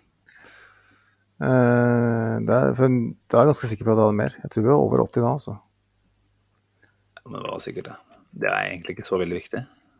Jo, det er litt artig, og hvis det er nest beste ever, så er jo det interessant. Ja, vi prøver igjen. Jeg er ganske sikker på over 80. Vi hadde 79 i 98 når vi vant ligaen, og det var jo veldig lavt. Vi, vi var på 87 i, i 01-02. Ok, jeg, tipp, jeg tipper det narrativet kommer til å vokse frem i løpet av uka. Mm. Eh, for nå har vi alle snakka om Invincibles sin poengsum, og nå kommer helt sikkert 0-2 poengsummen til å bli plukka fram eh, i lys av denne sesongen her. Eh, men det er viktig å gå inn i sommeren uten å kollapse. Det snakka vi jo veldig mye om foran Chelsea-matchen. Mm. Eh, når vi hadde tapt mot City. At nå er det viktig at vi ikke lar den rekka uten seier bli veldig lang. At vi kanskje i verste fall ikke vinner en kamp til. For at det vil kunne være skadelig for hele, altså troen på hele greia innad, og ikke minst utad. Og um, Det er jo litt av det samme nå. Ja, vi Ja. snudde jo kjerringa, og nå er kjerringa tilbake på, på magen. Det er vi ikke vi er i. Ja. Nei, og. Arteta var jo så klar han kunne være da, med disse uttalelsene etter kampen at dette her er ikke akseptabelt. Eh, så gjenstår det å se om han får en prestasjon ut av det neste uke, men fra hans ståsted så er jo dette her altså, noe som absolutt skal eh, snus. Han skal hjem og snu sin kjerring og skal snu, snu den gjengen her eh, inn mot eh, den Forest-kampen. Det er jeg helt, helt overbevist om at han i hvert fall har 100% planer om. Og så får vi se om han har den spillergruppa til til å gjøre det, da. Det er klart Han også nå etter å ha vært ute og etterlyst noen svar, eh, legger jo litt press på særlig noen av spillerne, sikkert. Eh, vanskelig å vite akkurat hvem man eh, sikter til, men eh, man må jo anta at det er, er noen der som går og føler på et visst eh, behov for å bevise noe annet allerede neste uke. Så jeg tror at det kommer til å bli altså aldri garanti for at man henter trepoengere. I hvert fall ikke mot et nedrykkskjempende lag.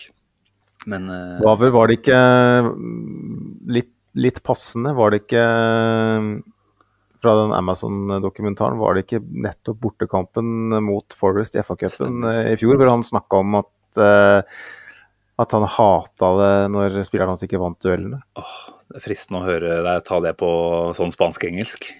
Med litt sånn skrikete stemme. Jeg får heller, ja. får heller uh, få inn klippet her uh, når jeg redigerer. Men eh, der, der var han eh, relativt misfornøyd, ja. Det var vel sånn der skittentøystralle der som fikk kjørt seg, men jeg husker. Stemmer. Ah. Nei, det, er bare, det, er bare, det er bare å drikke urin og, og få ting til å snu. Ja, du trenger kanskje litt urinterapi nå snart, du. Det er lenge siden du har vært på do igjen nå, så Det er vel heldigvis den formen for urinterapi du bedriver. Å tømme seg, og ikke fylle på igjen. Er det. det ble litt mye spekepølse og øl i helga, så jeg burde egentlig vurdere sånn urindiett også, som enkelte driver med. Ja, vi, vi kan ikke avslutte hver eneste podd med å prate om dette her, Magnus. Det går ikke, altså. Det er for så vidt et godt tegn. Vi har ikke fått noen eh, tilbakemelding fra noen lyttere om at de faktisk er med på dette urinkjøret. Så det tenker jeg Og ingen, ingen, det syns jeg var sjukt, faktisk. at Når vi brukte tre minutter forrige helg på å snakke om, eh, om urinterapi, så får jeg ikke fått en eneste tilbakemelding, verken positiv eller negativ. Det, det er urovekkende, lyttere. Veldig urovekkende. Jeg hadde forventa at veldig mange eh, stilte seg kritisk til, og kanskje et litt, bitte lite håp om at noen meldte seg om at det her driver jeg med. Ja, nei, da vil Det var tydelig. hyggelig. Men ja. ehm, nå er jo tida kommet, Simen, for eh, å snakke mer om sånne ting. For at gullkampen den er jo over. Fra gullkamp til gullvann. Ja, nei, jeg vet hva jeg foretrekker da. Jeg tror at hvis det skal bli mye pisspreik de neste ukene nå, så tror jeg du og Sivert får ta over sjappa her på fulltid, altså. Nei, jeg, jeg håper at vi, om ikke skal snakke om gullkamp, så håper jeg vi får litt sportslig fokus også i neste ukes pod. Jeg tror det. Får heller uh, se om det finnes noen alternative uh, måter å innta næring på som vi kan uh, spre det glade budskapet rundt. Får plukke opp litt. Jeg vet ikke hvor, hvor du plukka opp det her uringreiene her, Florian? Og på Twitter. Alt på Twitter. skjermbilder fra en sånn lukka gruppe på Facebook. Det er det som er er, jo ikke lov. fordelen min. Vet du, at jeg er, jeg er ikke på Twitter nesten. Vet du. Jeg slipper unna mye dritt. Og piss. Du, du, Bokstavelig talt. Det er ekstremt mye rart som dukker opp der. Og det, det, det syns jeg var verdig å, å nevne i podkasten, selv om det ikke nødvendigvis handla veldig om Arsenal. Altså. Så, Men lukka, som, det, ja, lukka Facebook-grupper, du skal passe deg da, for å dra fram for mye derfra.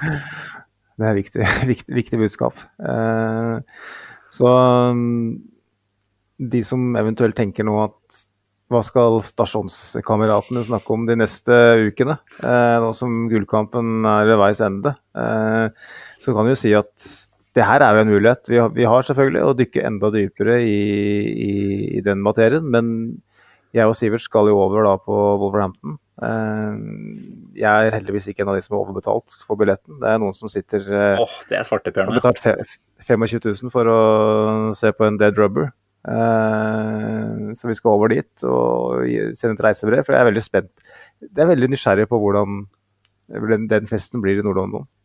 For at jeg føler at man fortjener å ta en fest etter en mm. god sesong, men man har egentlig ikke vunnet noe. Uh, og så det blir jo, og da, jeg blir jo borte da den tipper etter den matchen, og kanskje til og med neste helg. Så det, det blir jo spennende hva du Det er Sesongavslutning, rett og slett, for deg da, kanskje? Jeg skal jo være med på den sesongoppsummeringa, da. Det håper vi skal ha. Ja, ja, det sånn tradisjon tro, mm. med terningkast og 1 til 10, terningkast 1 til 10, som vi pleier å si. Uh, og en grundig vurdering på 8,5 timer på spiller og trener og sesongen og alt som er. Vi har vel faktisk Hvor... nesten toucha opp i de åtte timene tidligere, så skal ikke se helt bort fra det. Gleder meg faktisk til det. Uh, gleder meg til å jeg syns det, det, er et av årets høydepunkt for meg, når vi, når vi tar, tar, for oss hele sesongen. Ser tilbake. Så det er mye, mye gull som kommer. Mye gullvann som kommer. Og det er uh, en lang sommer med overgangsrykter, Simen. Kommer til å bli sliten. Det må jo være, det må jo være budskapet for oss. da. Det, det, hva er det vi kan bidra med til å gjøre den skuffelsen her litt uh, At vi kan glemme den skuffelsen her, svelge den skuffelsen her. Svelge Nei, jeg skal ikke snakke mer om det. Men uh, så er, må jo være nettopp det, at vi, vi, skal, vi skal, holde på, vi. Uh, og se fremover. Ja, så for, Foruten denne uka du er helt avkobla alt som heter sivilisasjon og omverden, så er vel du stort sett ganske peila inn på litt Arsenal-preik eh, nesten hver eneste uke. Eh, så forventer jo at det blir mye bra, som vanlig, fra den kanten der. Så får jeg jo se hva jeg er å stille opp med. Da. Det kan jo hende det er andre ting som ender opp med å ta litt oppmerksomhet òg, så vi får se. Kanskje, kanskje sitter Sivert her og, og, kjører solo, rett og slett, eh, noen uker etter hvert. Det kan godt hende, det også. Sivert som eh, krangler på Twitter live. Åh, oh, eh, det hadde jeg tuna inn for å følge med på, kjenner. Sivert må ha en V-logg, burde han egentlig. For at uh, litt av verdien med han er jo ansiktsuttrykkene og mimikken hans. Enig. Mm. Han, mm. han, får på en måte ikke vist sitt fulle potensial ved å være kun lyd. Han må, flere sanser må, må inn i, i, bildet her. Så liten oppfordring til uh, unge Eriksen her. Mm. På tampen, må vi si. Helt Håper på tampen. Blir du innom noe mer da, eller? Egentlig ikke. Jeg tror vi må mm, Nå er det ganske gemyttlig stemning her, og jeg har for å gå helt tilbake til starten. Den danske båten her har vendt snuta mot Oslo ennå. Begynner å se litt lys på ting. Så mm. nå, nå syns jeg det er greit å gå til sengs, eh, faktisk. Nå kommer jeg ikke til å ligge og se taket og hate livet mitt så mye. For da, tusen takk, Simen. Og det er jo akkurat det den poden her er til for. Det er gratis terapi for deg.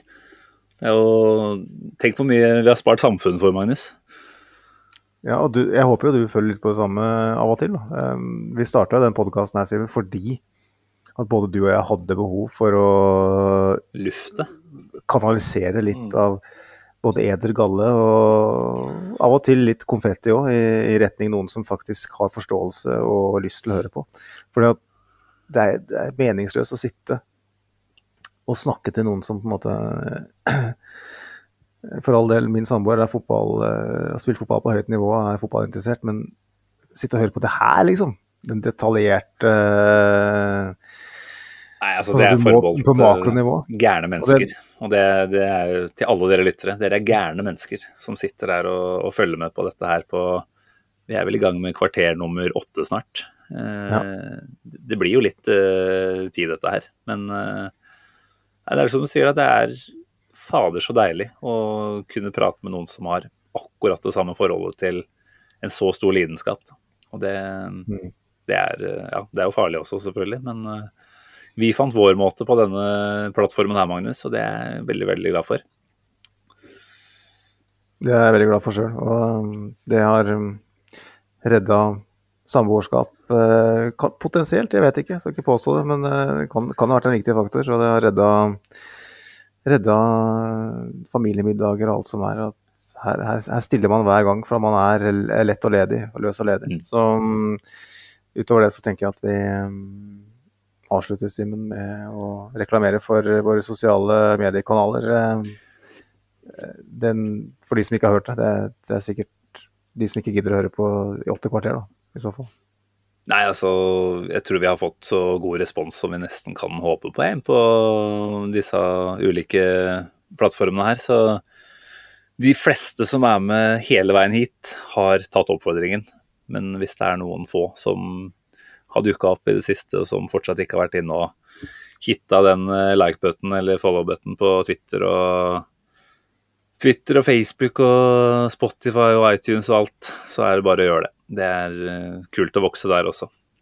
For det er jo altså det er jo sikkert et eh, resultat av den gode sesongen Arsenal har hatt, men vi har jo også sett at det har vært et herlig eh, oppsving i lyttertall gjennom sesongen. Eh, så får vi håpe at det ikke bare er Arsenal eh, som har fortjenesten der, at det kanskje er dine kloke betraktninger og hva skal vi si at jeg har å bidra med? En uh, fornuftig ordstyrerposisjon. Uh, ja, jeg gir meg det, i hvert fall. Og Siverts unge drivstoff, ikke minst. Så er jo totalen ganske ålreit fra vår side, får vi tro, da. Ja, jeg skal, ikke, jeg skal, ikke, påstå at det du sier er riktig nå, eh, spesielt med tanke på deg sjøl. Jeg tror du bidrar med mye mer enn som så. Men um, det er uh, viktig å påpeke og rett før jeg sier takk for nå, at vi har IP-adressen til alle som hører på. Så de som faller av uh, når resultatene går dårlig, de kommer til å få en melding. Ja, Det, jo, det er jo en lang sommer, dette her, så kanskje vi bare skal kjøre en liten norgestur. Uh, sette oss i bilen og banke på dører, rett og slett, og spørre hva faen er det som skjer. Lytter ikke du til Arsenal Station Pod etter at vi tapte mot Wolverhampton? Hva er problemet ditt? vi taper ikke mot Wolverhampton. Det føler jeg meg sikker på. At, og, det, og det, det, håper jeg virkelig ikke, for hadde vi fått en sånn type match som det vi gjorde i dag i siste serierunde, da, da, blir det litt sånn Ja, da, da tror jeg den festen deres øh, kanskje sliter lite grann, altså, når du og Sivert er over. Det skal, ja. vi, har, vi, har, jo litt å, å, bidra med der, da. Sånn sett. Det er en av få ganger man faktisk kan bidra. Mm. Så det skal gjøre mitt. Um, at, um, at pod Arsenal på Twitter er vel uh, den ene muligheten til å følge oss på. Og den andre er jo da Facebook, uh, hvor man søker opp Arsenal Station uh, pod. vi har vel ingen flere. Så Nei. da er det bare å um, like, rate, dele uh, osv. Så, videre. så setter vi pris på det fem stjerner, takk. Så tenker jeg, Simen, ettersom jeg nå skal uh, sannsynligvis ta et par ukers pause, så kan jo du avslutte. Ja, men jeg hadde ikke så mye mer å avslutte med. Altså, nei, nei jeg det, tenker at uh, ha det og på gjenhør, på gjenhør, som det heter, er nok. Ja. Uh, gjensør. Nå, nå, nå, blir det nordnorsk lyttere ganske kraftig provosert. nei, men takk for praten, Magnus. Hvis du blir borte i lang tid, noe jeg ikke håper, så skal vite at vi kommer til å savne deg. Eh, men jeg tipper du er tilbake her eh, relativt snarlig. Det blir på, framtvunget, sannsynligvis. På gjenord. På gjenord. Nei, men takk til eh, dere som lytter. Setter veldig stor pris på det. Og så sier vi bare på gjensør om ikke altfor lenge. Ha det bra. Nord. Ha det, ha det. Hei.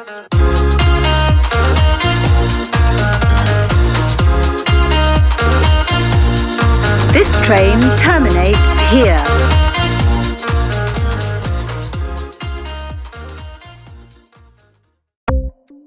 Ukens annonsør er HelloFresh.